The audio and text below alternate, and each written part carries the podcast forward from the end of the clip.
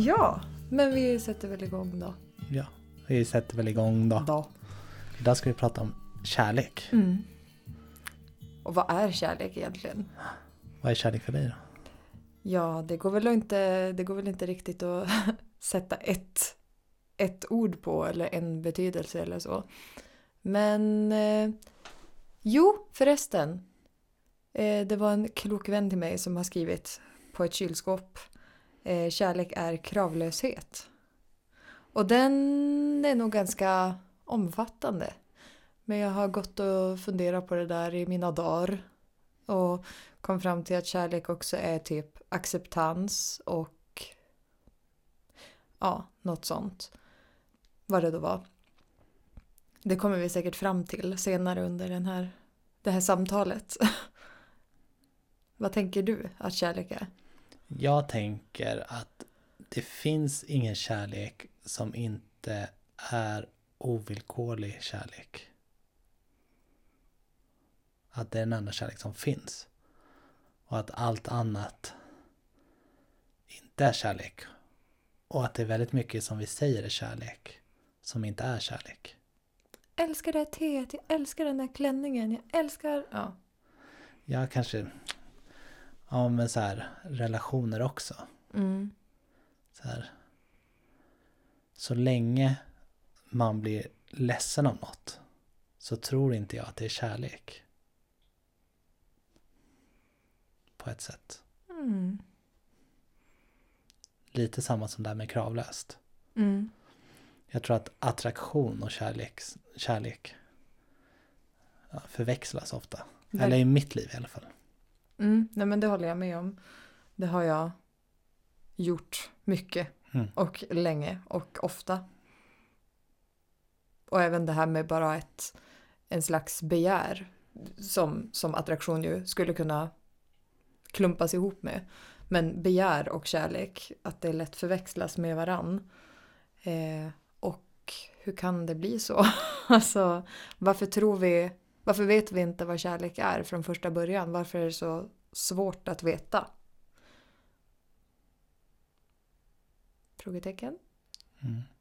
Ja, jag tror att i början vet man väldigt bra vad kärlek är. Tänker jag. När man är bebis liksom. Men sen blir man nog ja, lite när man börjar kommunicera så tror jag att man liksom tappar bort den där grejen. Vad det är för något. Mm. Så att ord kanske förvirrar en från vad det faktiskt är att vara i kärlek. För det kanske är det det handlar mest om. Att, alltså att kärlek är snarare en, ett varande i ett nu. Och inte någonting som en strävar efter hela tiden. Utan när den bara är här och nu och accepterar allt som det är. Och inte har krav på framtiden eller ångrar någonting där borta. Mm. Då är den i kärlek. Så är kärlek lika med nu? Det behöver inte vara det. Men eh, om man verkligen, verkligen är i nuet Mm. tänker jag att det är kärlek. Mm. Hur tänker du? Jag börjar fundera på det nu när vi sa det. så jag har inte hunnit så långt i den Mm. tankebanan. Men eh, om en säger att hat skulle vara lika med nu. För det ses väl ofta som en motpol till kärlek. Eh, men det håller jag inte riktigt med om, men det kan jag ta sen. Mm. Om vi utgår från att ett hat är motpolen till kärlek. Så betyder det att den fokuserar på någonting annat än det som är prick nu. Eller någonting som av en anledning får nuet att se ut som det gör. Så där är det ändå som att den inte är i det sanna nuet. Utan så här, ah, jag hatar den personen för att den gjorde det och det och redan där så är en långt ifrån nu. eh, så att det kanske är lite så. Och så fort den tänker på någonting som ligger framöver så blir det antingen med en förväntan på det. Då är det alltså inte kravlöst längre. Även om det är någonting jättekul och den ska träffa någon som den verkligen tycker om jättemycket. Eller älskar. Eh, men det blir ändå så här att den går och tänker på det och bygger upp någon bild av hur det kommer vara. Och det behöver ju inte vara så allvarligt men och det kan ju kanske fortfarande vara kärlek fast den bygger upp någonting. Jag vet inte, jag bara spekulerar. Mm. Om vi ska ta vår relation som exempel. Mm. Hur har din kärlek varit till mig? Hur, hur har det sett ut i ditt liv? Vad vill du veta? Nej. Nej men eh, jag kan börja. Mm. Eh, jag tänker att jag har varit väldigt attraherad av saker som jag inte kan få. Och när vi började träffas så var det väldigt lätt. Alltså vi umgicks bra. Sen när vi började komma varandra nära fysiskt så allt gick väldigt lätt. Och du var väldigt åtkomlig. Så här. Och jag har alltid blivit attraherad av det som jag inte kan få utan måste kämpa för. Och eh, det har jag förväxlat med kärlek. Att eh, den här kampen och ovissheten och de här ledsna känslorna och att det är liksom, man är attraherad av någon som man inte kan få och sen skapar det massa känslor som är väldigt starka. Det har jag förväxlat med kärlek för att det är liksom det tar över allt annat i ens liv. Och jag tror att väldigt många förväxlar det med kärlek. Att Åh, jag är så kär, jag kan inte tänka på något annat. Det är för mig inte kärlek. Det är mer en attraktion. Och liksom en Besatthet. Besatthet och otrygghet. Jag tror inte kärlek kan vara otrygg på något sätt. Och när jag var med dig så kändes det så här så naturligt och- så skönt liksom. Tryggt och ja, jättenice liksom. Så då var jag så här, ja, jag vet inte om jag är kär, sa jag till dig. Och jag vet inte om vi ska vara tillsammans. För att jag tänkte att det skulle vara sådär. Ja, man ska vara olycklig, man ska tänka massa, man ska, det ska vara massa drama, det ska vara, alltså sådär. Mm. Men det är ju inte kärlek egentligen.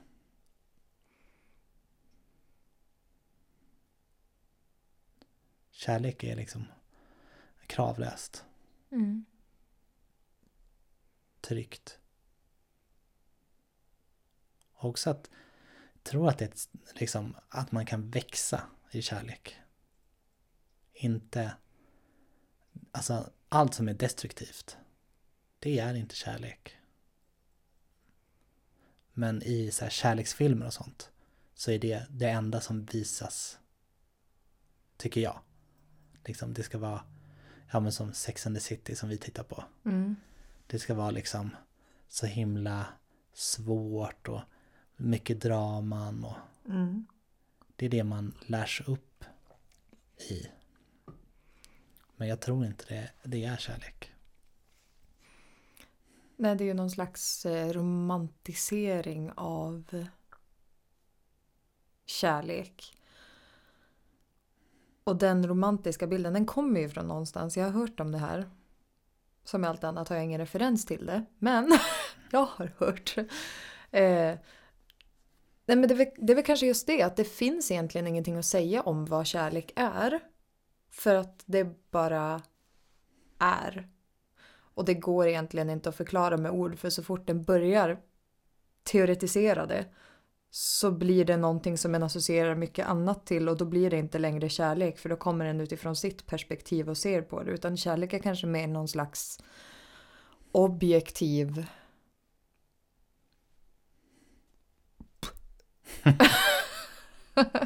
ja. Eh, Men nu ska jag försöka eh, gå tillbaka till min fråga ja, för att bli personlig. för att bli personlig. Ja, för att du ska säga lite som liksom hur det har varit mellan oss. Mhm.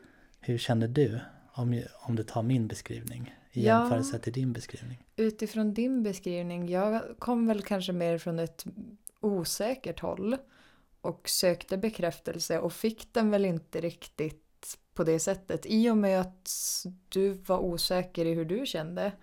Um, så där kom ju jag med förväntningar på att du skulle veta hur du kände och bara så här och möta mig där jag var och ja, det var ju lite obalans där. Och dessutom att jag förväntade mig någon slags... Ja. Att bli upphämtad där. Och så blev jag inte det. Eh, och var väl mycket i någon slags besvikelse och sådär. Eh, men det är ju också... Jag tänker att allting händer ju för att det behöver hända på ett visst sätt och så vidare. Och det har ju utvecklat... Alltså vi har ju utvecklats av den grejen. För att kunna dela kärlek nu. Hur gick den transition till att vi blev tillsammans? Hur kändes det för dig? Eh, ja, när vi blev tillsammans så satt jag i en klädskrubb uppe i Luleå. eh, så då ringde du och frågade ifall jag ville bli tillsammans. Och så. Eh, och då, alltså vi ringdes ju varje dag där och hördes eh, flera gånger om dagen på meddelande och ja, samtal och allt möjligt. Eh, så att alltså samtidigt som jag hade släppt tanken på att vi skulle bli något mer än vad vi var som vänner och så. Eh, eller ja, jag försökte ju komma ifrån det. Och sen kom du med den förfrågan precis när jag hade liksom så här börjat någorlunda acceptera tanken på att vi inte skulle vara tillsammans. Eh, så blev jag såklart väldigt glatt överraskad. Som du ju vet. Hej! Nu kommer jag och stör igen. Eh, jag sitter här och tänker lite på hur Linnea och jag ska nå ut med den här podcasten i internetbruset. Och tänker att ni kanske kan hjälpa oss genom att dela på Instagram, att ni lyssnar på podcasten och taggar oss så att folk kommer in på vår lilla sida och klickar sig fram till podcasten. Det hade varit helt underbart. Ja, nu får ni fortsätta lyssna. Hej då! Men sen så har vi ju stötts och blötts en del. Mm. Men jag tror det också tar en närmare varann. Ehm. Att den lär känna varandras gränser och lär känna varandras temperament och lär känna... Ja. Och når någon slags acceptans för varann. Istället för att bara så här... För jag har väl varit i relationer där det har varit mer bara så här... La, la, la, la, la. Allt är så lätt och du, du, du. Och det kan jag ju absolut förväxla med kärlek. Och det är oftast det som är den här smekmånaden i början av en relation. Eller smekmånaderna, beroende på. Men eh, förr eller senare så går ju det över till någon slags gråblaskig vardag. Eh, och det är väl då en tänker att jaha, nej men nu är jag inte kär längre. Men så behöver det verkligen inte vara. Men eh, ja. Jag upplever typ nästan från början att vi inte fick ha någon sån smekmånad eftersom att jag var borta när vi blev tillsammans och typ så här äh, vi fick börja med att lära känna varann i en relation så. Eh, bara verbalt. Och bygga upp någonting därifrån. Och jag har lite svårt för att göra, eller jag tycker typ det är svårt att prata om saker och här sitter jag. ja, jag vet inte. Ehm, ja. Nej men jag tror att motstånd också gör... Om, om en stöter på ett motstånd och jobbar igenom det. Med kärlek, med överseende, med viljan att komma förbi that obstacle. Vad heter det på svenska? Hindret. Ja, exakt. så, så kommer den nästan djupare och längre än om allting bara är smooth sailing hela vägen. Tror jag. Ja, det tror jag också. Inom Vipassana så är liksom kärlek är inte att inte säga till Mm. någonsin. Men att göra det med kärlek. Alltså man kan verkligen skrika åt någon. Men om man gör det från ett kärleksfullt ställe så är det okej. Mm. Alltså om någon ska döda någon och så måste man säga nej. Alltså då kan man inte bara säga ursäkta, skulle du kunna bara inte skjuta den där personen? Alltså man måste verkligen Alltså det finns där ängsbackarkärlek kallar jag det. Som finns bland hippies. Som är så här. Åh, hej. Alltså så här. Och den är så himla eh, säker. Mm. Liksom. Det är så himla säkert att vara så här. Åh, vad fin du är. Åh, vad bra allt är. Åh, vad fina vi är tillsammans. Åh, liksom.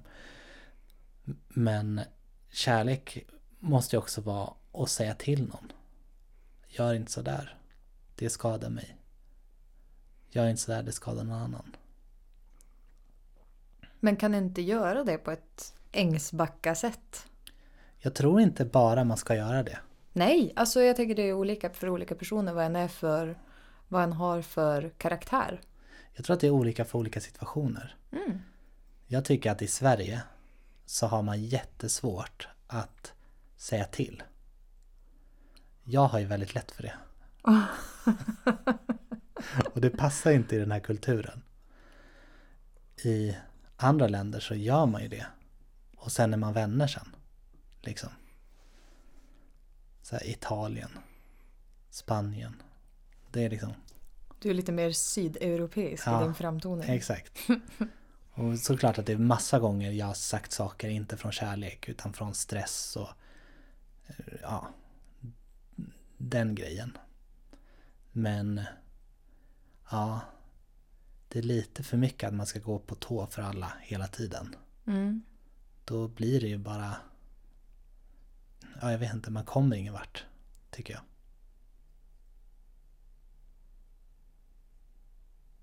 Men ja, jag tycker man ska kunna säga till, för om man aldrig kan säga till, då blir det inte heller kärlek. Liksom. Då blir det bara att man är, ja, liksom bara i periferin hela tiden. Mm. Liksom, jag har ju varit mobbad liksom. Och då även, de som mobbade var ju jättejobbiga. Men även de som bara var vid sidan av var ju också jättejobbiga. Som bara så här, ja jag säger inte till och jag, de är liksom också en del av det. Eh, jag, jag har gjort det säkert massa gånger också. Eh, men eh, ja, jag tycker att vi har en väldigt snäv bild vad det är att vara kärleksfull. Eh, ja men som på det där meditationslägret eller vad man säger. Meditation. De här tiodagarskurserna. Om det är någon som stör. Då säger meditationslärarna till så här. Eh, meditera eh, ordentligt. Liksom, verkligen med stark röst. Och ni ska vara seriösa när ni mediterar. Och de gör det av kärlek. För att det är så himla viktigt att de inte pratar eller... Ja. Men de gör det verkligen av kärlek. Och det tycker jag är mycket bättre sätt än att dalta runt. Det är mer konkret. Exakt. Det händer någonting. Hur eh, blir det då ifall att den personen som stör i, en, i ett sånt sammanhang, det behöver inte vara precis på den meditationskursen, men vi tar ett allmänt rum där en ska sitta och fokusera på sin uppgift. Meditera till exempel. Det är en person som stör. Läraren, ledaren säger till klart och tydligt. Meditera ordentligt eller gör din uppgift ordentligt. Ha- Har det här något med din lärarroll? Det har ingenting med det att göra, men jag tänker hur, hur tar den det vidare då? För att den personen behöver ju uppenbarligen meditera då. Om den har så mycket annat som eh, stör, typ. Ehm, och stör andra. är det mer kärleksfullt då att kasta ut den personen eller låta den sitta kvar och ändå vara sig själv, göra sin grej? Ja, jag vet inte just i det tillfället, jag vet inte Nej, det vad det här har med vet. kärlek i, alltså, att säga till det. Men jag menar bara att ovillkorlig kärlek är inte, för mig, Mm. så här. Åh, vad fint, åh, vad bra. Mm. Alltså att säga nej är ett tecken på kärlek. Jätteofta. Mm. Lika ofta som att säga ja, nästan. Mm. Men de flesta tror jag tänker att det är så kärleksfullt att hjälpa alla hela tiden. Att säga ja till allt och vara snäll. Mm. Men då blir man bara utnyttjad. Mm. Liksom. Utan det mest kärleksfulla är att vara i kärlek och sen svara utifrån det. Mm. Liksom. Tänker jag. Precis. Och det är väl det som är lätt att tänka att den ska visa kärlek till alla andra.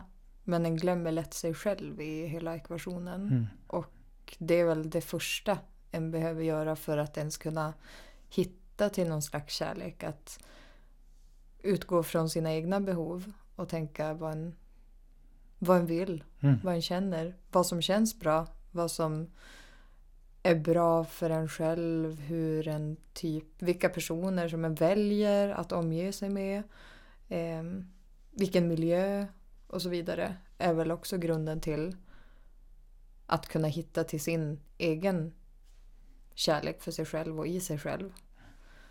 För att sen kunna på något sätt hämta energi därifrån och sprida det vidare.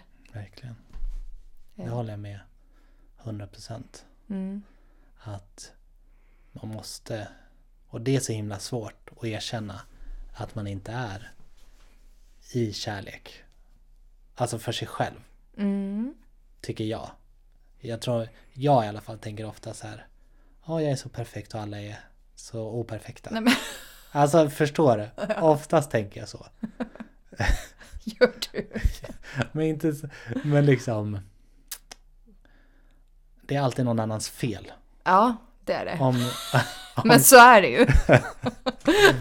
det är alltid andras personens fel. Mm. Och det är så himla svårt att förstå att om man inte själv har i sig så kan man inte ens se det. Mm. Liksom. Det är alltid andras fel. Och där är det verkligen så här. Det kanske inte är den personens fel. Det kanske är du som måste jobba på dig själv. Och säga det till sig själv. Liksom. Du kanske inte agerade så kärleksfullt i den situationen. Eller du kanske har jättemycket att jobba på fortfarande. Mm. För att kunna visa kärlek. Mm. Och det, har, det är väldigt connectat med egot liksom. Att eh, ja, egot tror att man är perfekt. Liksom. Och det är alltid alla andras fel. Mm. Jo, men det stöter den ju på hela tiden. Det går ju inte en dag utan att den klagar på någon annan. Än, jag säger, jag, hej, hej. Jag heter Linnea. Jag har klagat. eh, nej, precis. Men det är ju det att det finns sån jävla stolthet bakom allting också då. Egot, stolthet, det är väl kanske likhetstecken där på något vis. Eh, men det är så jobbigt att typ acceptera att den kan ha fel om någonting. Um, och det är väl kanske med kärlek som man jobbar bort det. Men frågan är hur? Hur använder sig en av kärlek? Eller ska en låta... Alltså... Hur ska en få det här till något konkret? Um, ja, till att börja med. Hur jobbar den med sitt ego eller sin stolthet? för att kunna fylla det hålrummet med kärlek istället Mm och acceptans för sina egna felsteg. Ska en typ acceptera att den är dålig på någonting? Tjoff! Och så bara okej, men så är det. Jag kommer vara dålig på det här. Det känns ju lite bittert på något vis. Mm, jag tänker, eller de där frågorna, det är Mm. väl det man jobbar på hela livet. Mm. Ja. Alla. Det är väl de här livslånga målet. Mm. Eh, men inom buddhismen så är 100% av det du lider är din egen skapelse. Mm. 100%. Det finns ingen annan som kan göra så att du lider. Enligt buddhism, buddhistiskt tänkande. Och det är, det är svårt att dra det till extremen. Liksom. Om någon skulle vilja mörda dig och du mår dåligt av det, då är det ditt fel. Liksom, Alltså, om man drar det till värsta extremen. Mm. Men det är intressant att se det så. Eh, för om, om jag blir irriterad på dig, Mm. då är det något som jag har inom mig som jag blir irriterad på. Hela tiden. Så allt jag stör mig på, allt jag skyller på, allt som folk gör mot en, det finns, det kan jag göra. Det är ett problem som jag har. Mm. Eh, och det, det, det är väl det som jag stör mig lite på i vår samtid. Att eh, om det händer något och någon kändis till exempel gör något misstag. Då är det så här. Då ska den personen bara bort så här och vi ska döma den personen. Och inte se att jag stör mig på den det här beteendet för att jag har det inom mig själv. Mm. Och det är så himla lätt att bara ta bort personer. Alltså som man stör sig på och som liksom Det är väldigt lätt att göra det. Och egentligen är de vår bästa lärare för att förstå våra egna problem. Mm. Om det är en person som man stör sig på jättemycket. Den personen, man kanske inte ska leva med den personen.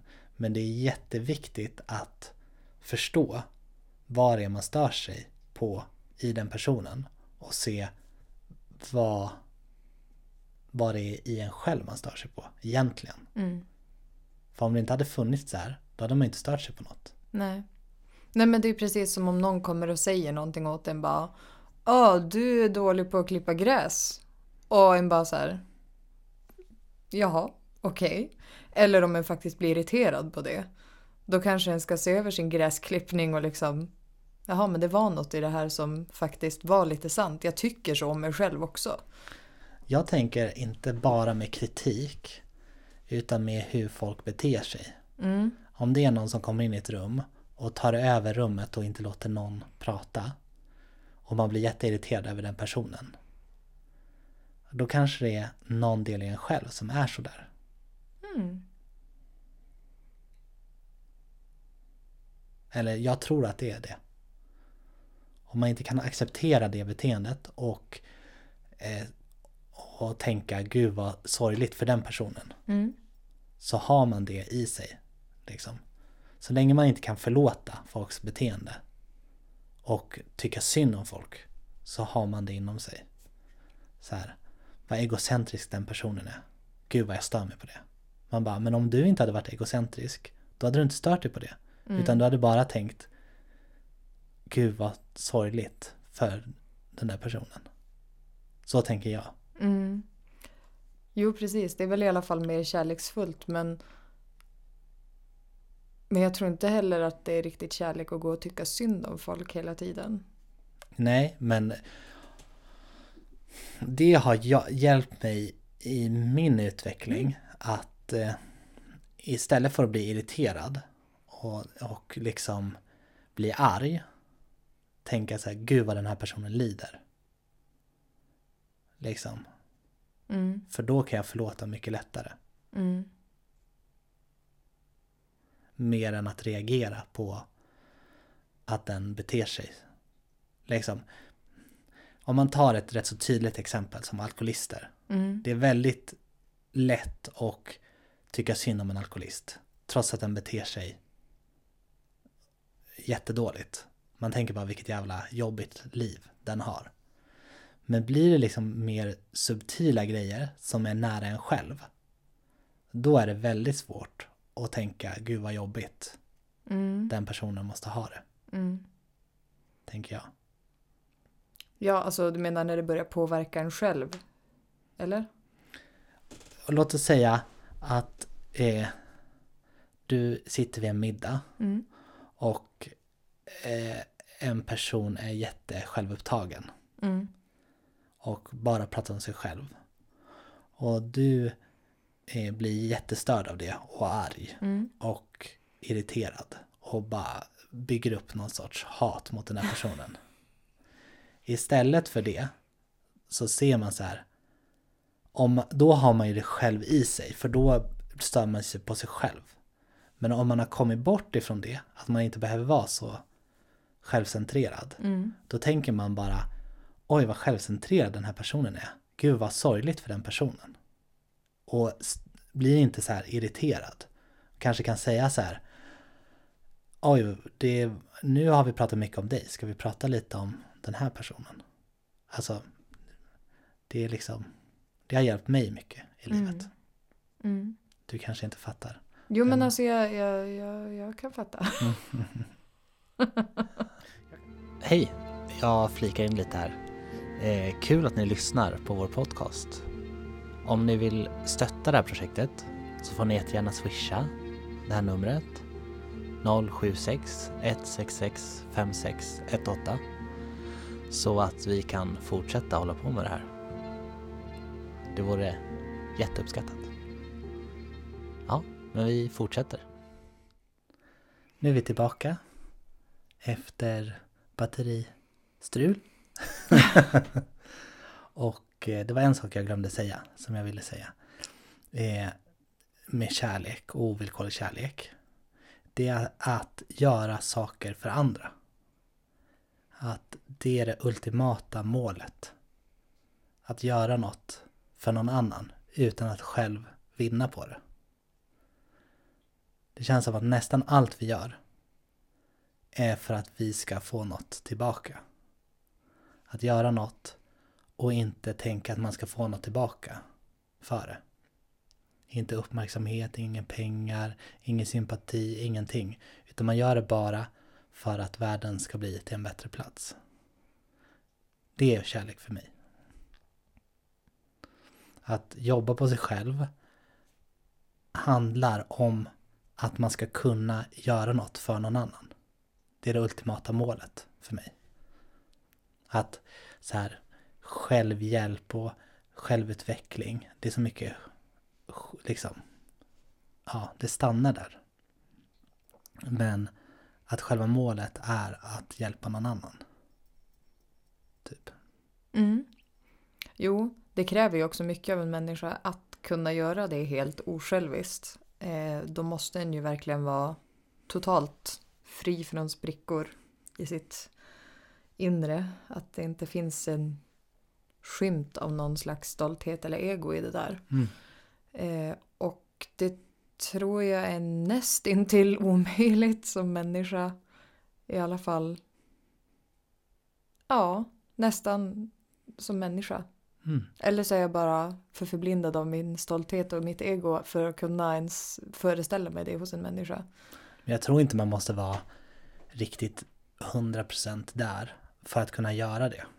Alltså, i vissa situationer så kanske man gör saker osjälviskt för någon annan. För att den, eller någon varelse, något djur, eller ja,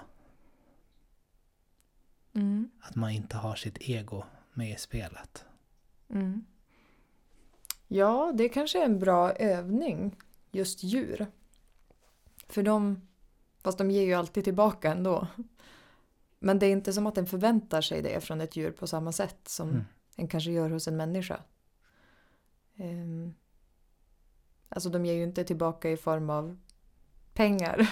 Men att bara få sitta och klappa dem och sådär. Det är ju det en vill. Egentligen bara med livet. Klappa djur. Hela livet. Ja, men jag tror också det är skitbra att öva. Mm. Och eh, det är väldigt lätt att ge en komplimang i en relation så här. När man ja, känner varandra och är trygga Mm. och visar kärlek. Men man börjar kanske med någon man inte riktigt känner och, och så fortsätter man. Mm. Tills det är någon man verkligen stör sig på. Det är det ultimate test. Att Men- man är kärleksfull mot den personen. Mm, absolut. Men eh, ja, det är en bra här, stegring av intensitet och svårighet. Absolut. Men just det här med komplimanger, jag vet inte riktigt hur funkar det? Är det kärlek eller är det bara ytterligare att göra någon väldigt självmedveten och bara så här, "Ah." ibland kan ju tas emot på det sättet snarare än, än, än att det landar på ett bra sätt. Ja, jag menade inte komplimanger. Mhm. Jag menade kärlek Ja. generellt. Mm, bara vara där och bemöta folk och typ finnas. Mm. Mm. Mm. Att liksom verkligen inte göra någonting för sig själv. Inte ens för att man ska må bättre. Många gör nog saker för att man själv ska må bättre. Alltså, inte få uppmärksamhet eller någonting, men man liksom gör det här för att man själv vinner på det egentligen. Mm. Men att inte ens göra det för att man ska må bättre.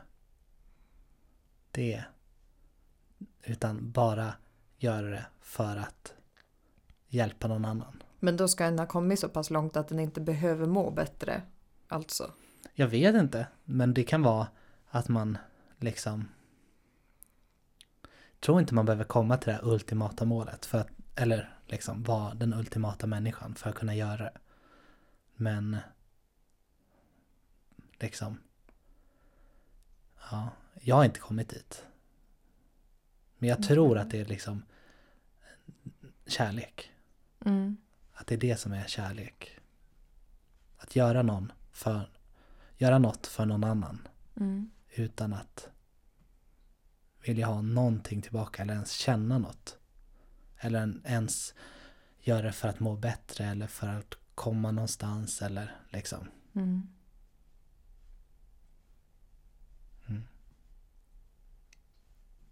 Det vill jag säga också. Det ska du säga också. Har du tänkt på något? eh, nej men jag kom väl tillbaka till det här med hat kontra kärlek. Mm. Att de eh, ofta ses som motsatser men inte nödvändigtvis behöver vara det eftersom att det handlar om att lägga ner tid och kärlek i någonting. Eh, vilket den ju gör också om det är en personen hatar sig. Så går den hela tiden och lägger en massa tid och energi och gräver ner sig, kanske till och med studerar vad den här personen gör för att verkligen bara få utlopp för sitt hat. Och det är ju nästan, nästan, ja, det är en besatthet i alla fall. Som kärlek i och för sig inte är. Eh, utan snarare, ja. Men de är inte nödvändigtvis motsatser. Det är nog bara det som jag ville vädra av någon anledning. Låta smart. Jättesmart. Ja. När har du, när har du upplevt kärlek?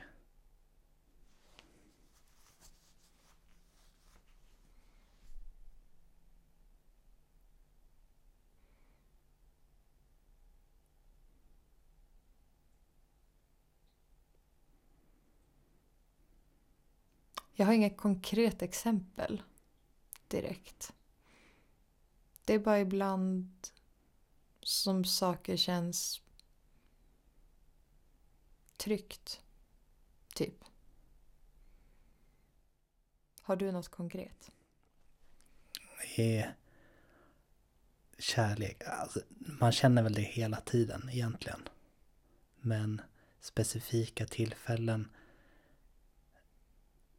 så kanske när jag var på den här meditationskursen och i slutet av den typ upplevde kärlek till sig själv liksom.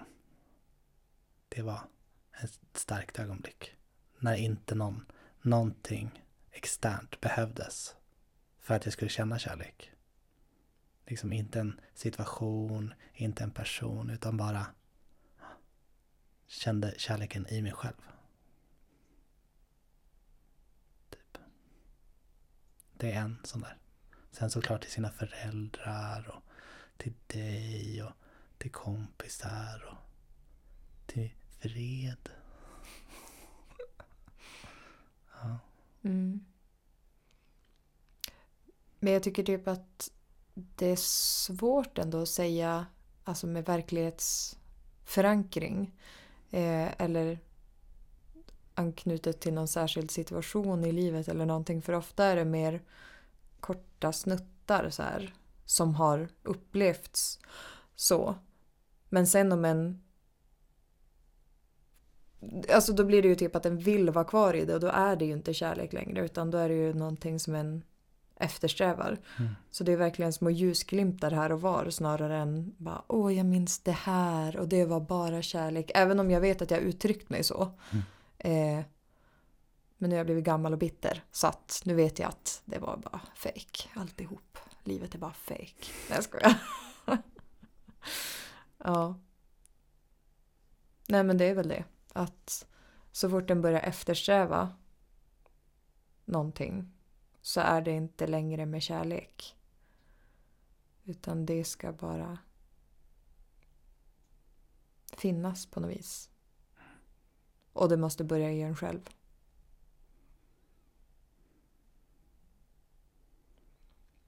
Och det kanske är, alltså en måste säkert kämpa, eller jag vet att en måste kämpa mycket för att komma dit överhuvudtaget. Men eh, sen kanske det är som att klättra över en poolkant eller någonting så bara så sen är den i det. På något vis. Fast den kan också glida ur det igen. Men eh, ja, jag vet inte. Inte jag heller. Men på ett sätt så känns det som att det blir mindre och mindre kärlek i världen. Mhm. På något sätt.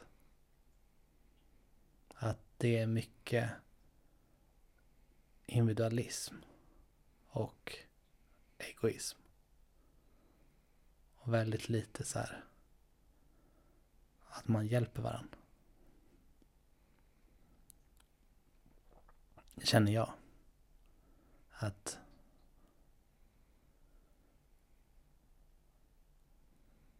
vi måste hitta ett sätt att komma tillbaka till mer solidariskt samhälle eller något. Att göra saker för varann. Inte för att tjäna några pengar. Men bara för att hjälpa till liksom. Inte för att fylla ett behov av att göra någonting. Liksom, utan verkligen hjälpa varandra. Mm. Jag tror att det är därför folk är så tomma nu också. För att de inte har den där grejen. Att kunna hjälpa någon. På något sätt. Mm. Precis. Och ja, men hur vi har byggt upp det är ju inte på ett kärleksfullt sätt utan det handlar ju hela tiden om att eftersträva någonting och utvecklas vidare hela tiden och tjäna så mycket pengar som möjligt. Även om man inte själv har den ambitionen så blir en ju ändå indragen i det hjulet och då förstår jag verkligen att det finns någon slags tomhet för att den inte alls gör det som en skulle kunna uttrycka sin kärlek genom. Och sin, alltså bara sig själv. Och på det sättet växa i sin kärlek. För att den blir inte uppfylld utan dränerad och utnyttjad snarare. Mm. Ehm, sen behöver den ju inte sugas in i det svarta hålet helt och hållet. Det är klart att den kan göra lite av båda. Men det kanske är... Så, eller det är ju svårt i vissa perioder. En faller ner där ändå. Ibland. Och det är väl kanske att ta sig upp ur det som också kan vara svårt. För då blir det som att den ser ner på sig själv och bara jaha, så nu är du här igen. Ja. Och så har han inte bemött sig själv ens med kärlek då. Så hur ska en göra det för någon annan om en inte kan det, göra det mot sig själv? Exakt. Det är där jag är fast lite. Mm. Liksom. Att jag känner att jag är så obalanserad fortfarande. Så att jag inte kan hjälpa till så himla mycket som jag skulle vilja. Eller? Eh. Men det finns inte heller så mycket space för att göra något bra. Alltså, förstår du? Alltså, vi be- alla behöver hjälp med allting. Mm. Liksom. Men allt har blivit att man ska tjäna pengar på allting. Liksom. Mm.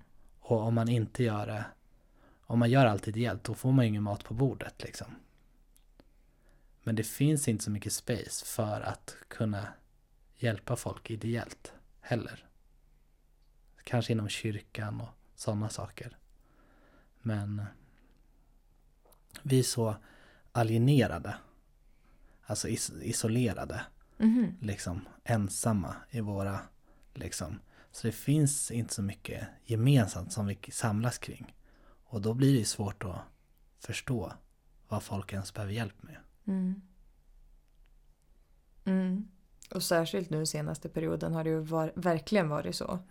En kan inte ses av många anledningar. Det är förbjudet. Inte riktigt förbjudet, men ja. Mm. Men ensamhet känns det som är det viktigaste man kan jobba med just nu.